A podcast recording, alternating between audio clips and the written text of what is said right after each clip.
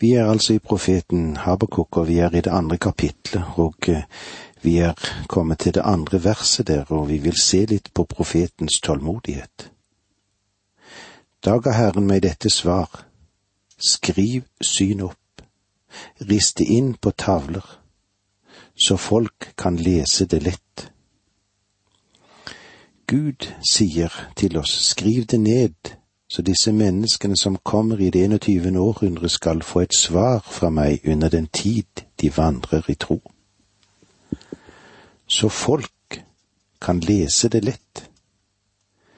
Gud sier her at vi trenger å ha et veikart med oss. Vi trenger å vite hvor vi går. Vi trenger å vite en hel del om veien slik at vi, når vi har orientert oss, da kan vi gå i en riktig retning. Det betyr at den som leste det, skulle dra av gårde og fortelle det videre.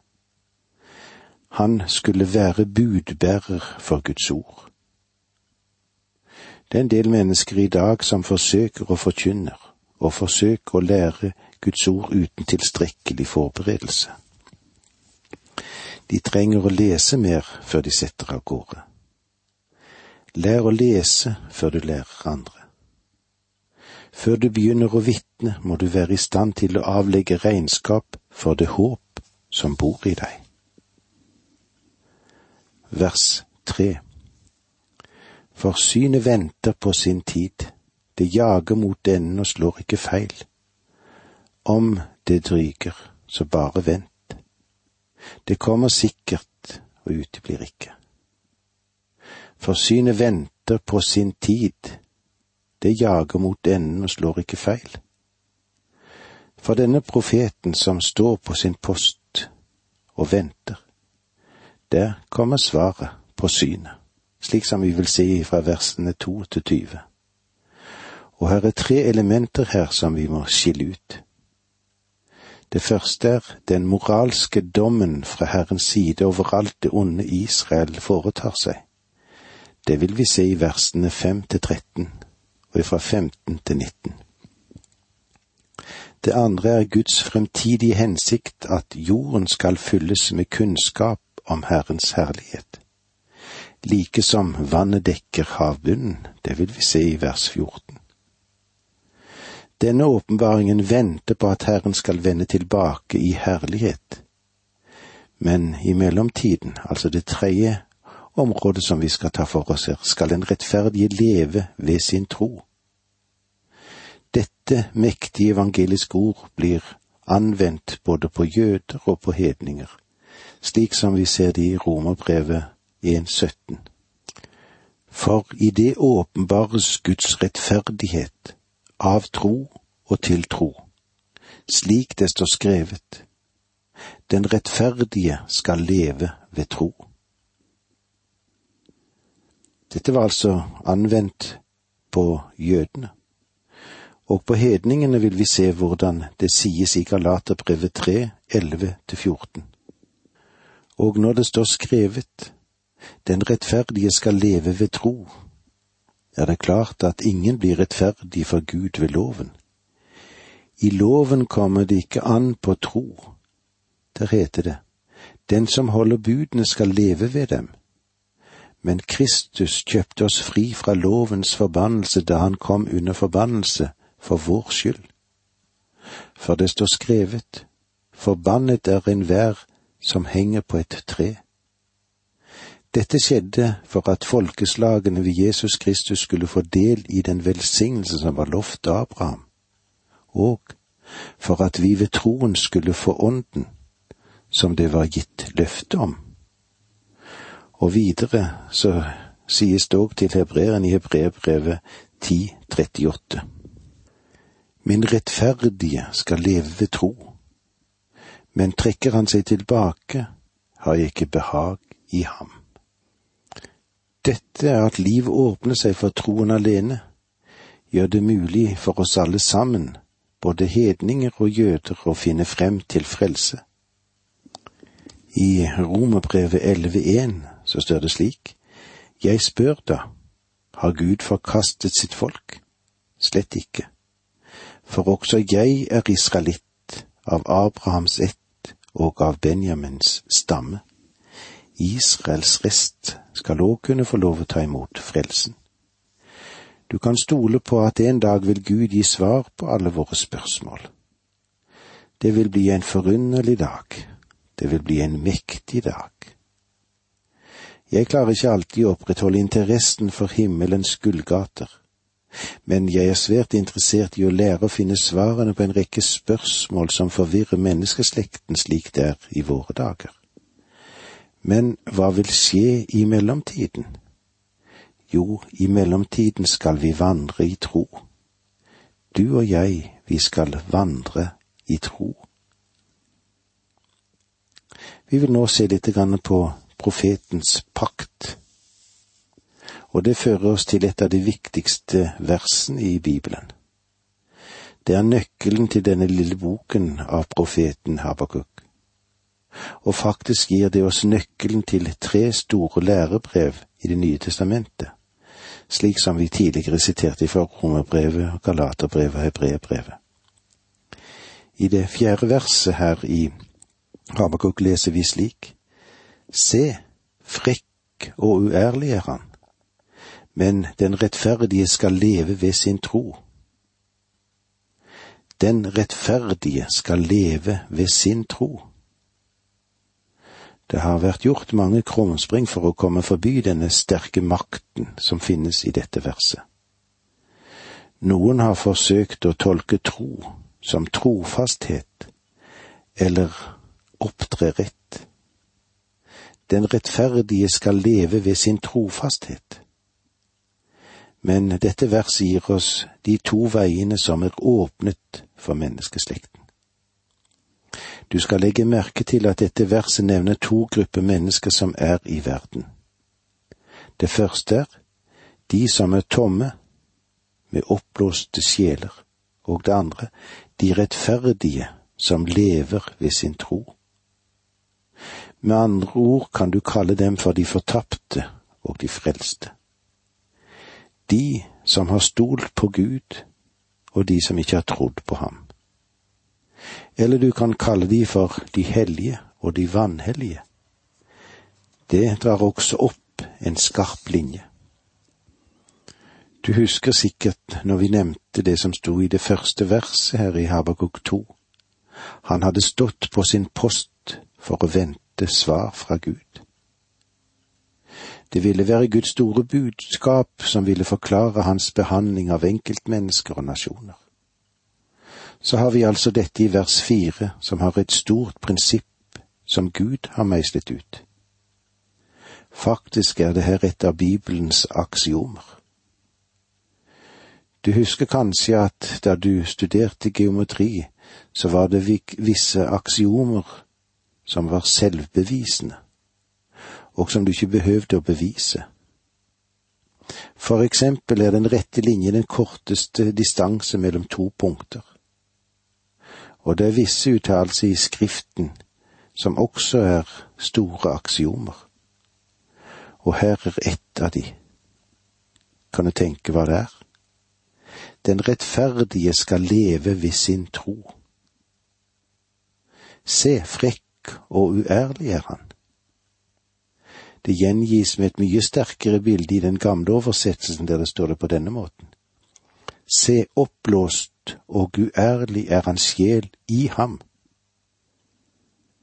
Dette beskriver en gruppe mennesker som er stolte, ja, de er så stolte at de nesten står på bristepunktet. Enten forsøker de å meisle ut sin egen frelse, eller så lever de bare for dagen i dag, eller som eh, filosofien ofte sier et, drikk og vær glad, for i morgen dør vi. Det er ikke noe virkelig mål for livet, det.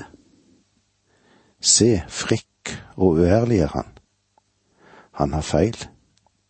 Han går på gale stier. Om man mener at veien er rett, kan den allikevel ende i døden, står det i ordspråkene 1412. Det er kanskje ikke så vanskelig å bevise. De har en oppblåst sjel. Stoltheten og hovmodet driver dem av gårde. De beveges av tidens strøm og vil til sist nå ødeleggelsens hav.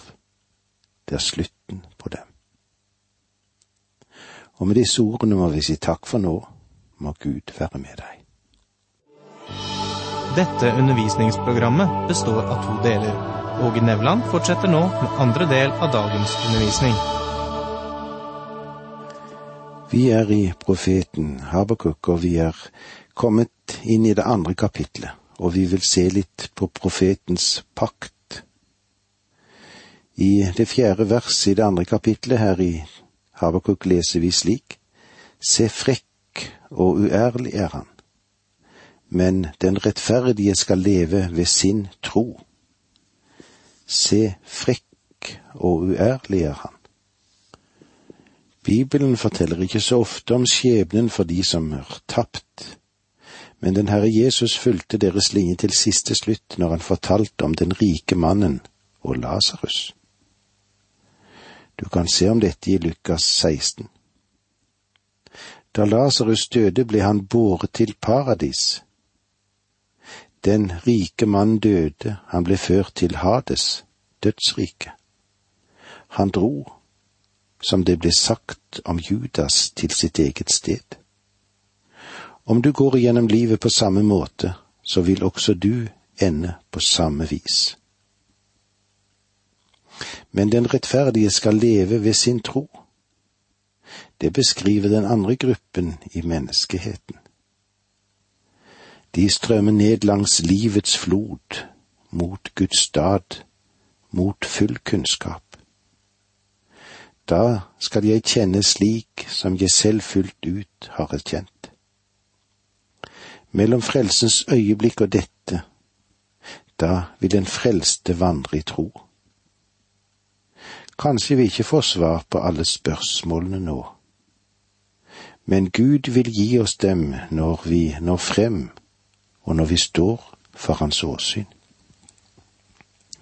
Nå vel, fordi Habakuk i kapittel to vers fire blir sitert i Det nye testamentet, og det er faktisk nøkkelen dette til lærebrevene slik som vi finner det i Romerbrevet, Galaterbrevet og Hebreerbrevet. Så la oss eh, se litt mer på disse sitatene, kanskje noe mer oppmerksomt. I romerbrevet legges vekten på den rettferdiggjørelse ved tro på frelse. For jeg skammer meg ikke over evangeliet. Det er en Guds kraft til frelse for alle som tror. Jøde først, og så greker. For i de åpenbares Guds rettferdighet av tro og til tro. slik det står skrevet. Den rettferdige skal leve ved tro. Dette står i Romerbrevet i det første kapitlet, vers 16 og 17. Poenget her er at de rettferdige, de som er gjort rettferdig ved tro, skal også leve ved tro. Og det er det som er det store budskapet som vi har å finne i Romerbrevet. I Galaterbrevet, når vi går dit, så lyder sitatet slik i Galaterbrevet 3.11. Og når det står skrevet, den rettferdige skal leve ved tro, er det klart at ingen blir rettferdige for Gud ved loven. Trykket er noe forskjøvet her, for det står i Galaterbrevet 2.20. Jeg er korsfestet med Kristus. Jeg lever ikke, lenger, lever ikke lenger selv, men Kristus lever i meg. Det livet jeg lever nå her på jorden, det lever jeg i troen på Guds sønn, som elsket meg og ga seg selv for meg. Mens vekten i romerbrevet ligger på rettferdiggjørelse ved tro for å finne frelse, så ligger vekten her i Galaterbrevet ikke bare på den frelsende tro, men på en tro som du lever ved gjennom hele livet, dersom du fatter tro og tillit til denne mektige Gud Fader. I hebreerbrevet står sitatet fra Habakuk 2,4 i denne sammenheng. Min rettferdige skal leve ved tro, men trekker han seg tilbake, har jeg ikke behag i ham. Her ligger vekten på ordet leve Min rettferdige skal leve ved tro. Og i det følgende kapittel leser vi om menn og kvinner som levde ved tro. Vekten ligger altså på å leve. Når Habakuk så inn i fremtiden, stilte han seg følgende spørsmål. Hvorfor Gud? Fra vårt utsiktspunkt kan vi nå se tilbake på historien og se svaret på Habakuks spørsmål. Gud drev sitt eget folk inn i fangenskap fordi det tjente som tukt for deres synder. Men nå kan det hende vi øyner at vi kan se den videre målsetningen som han hadde. Det gjorde ham i stand til å bringe frelsen inn i verden i tidens fylde. Igjen vil jeg gjerne dra oppmerksomheten til Paulus, og eh, han hadde jo en mektig prediken i Antiokia i Pesidia. Men han som Gud oppreiste, gikk ikke til grunne. Og nå skal dere vite, brødre, at ved ham blir tilgivelse for syndene forkynt dere. Det Moseloven ikke kunne frikjenne dere for, det skal enhver som tror bli frikjent for på grunn av ham. Ta dere nå jakt, så ikke det profeten har sagt skal hende med dere. Se, dere som er fulle av forakt, dere skal undre dere og bli til intet.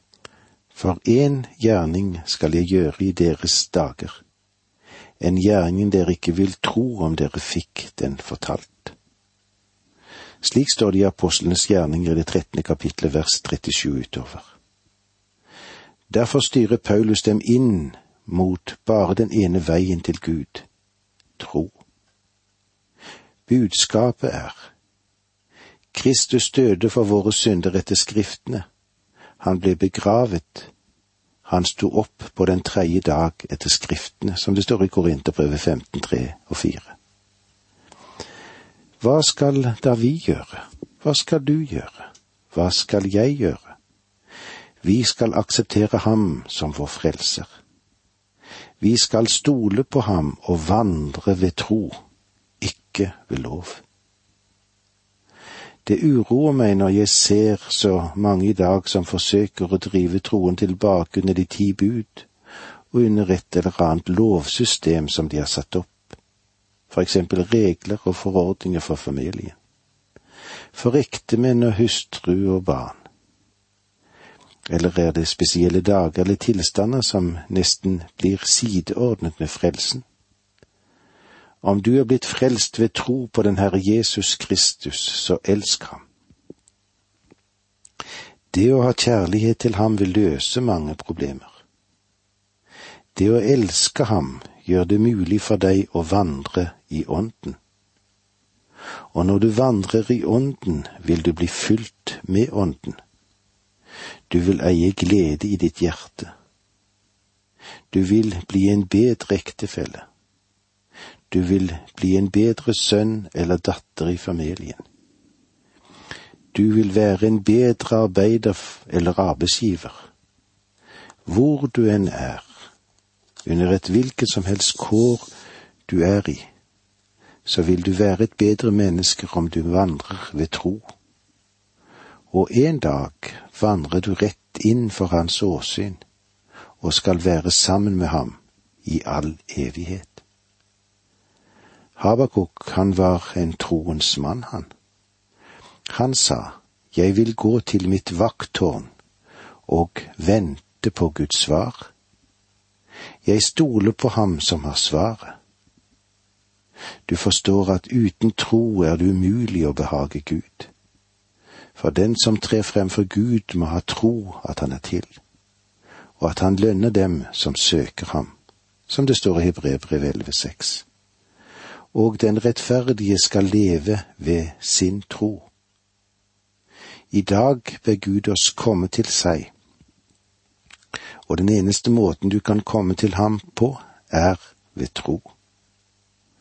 Troens menneske tar imot livet ved tro, vandrer i tro og beveger seg inn i evigheten ved tro. Ikke ved egne evner eller anstrengelser, men ved den kraft og det verk som tilhører en annen. La meg igjen få lov til å gjenta det som står i det fjerde verset her i det andre kapitlet, som gir oss de to veiene som er åpnet for menneskeslekten. Jesus han har formulert det på denne måten. Gå inn gjennom den trange port, for vi er den port, og bred er den vei som fører til fortapelsen, og mange er de som går inn gjennom den.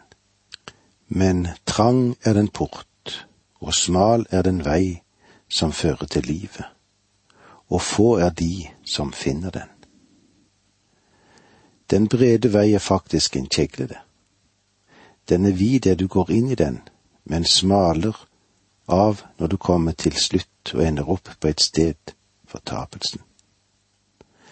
Det er historien om synderen som ikke ville tro. Det er som å gå ned i en trang kløft. Har du gjort det noen gang? Vi har et bilde her. Inngangen er vid, men enden er som et trangt pass ned mot ødeleggelsen. Og med disse ordene sier vi takk for nå, må Gud være med deg.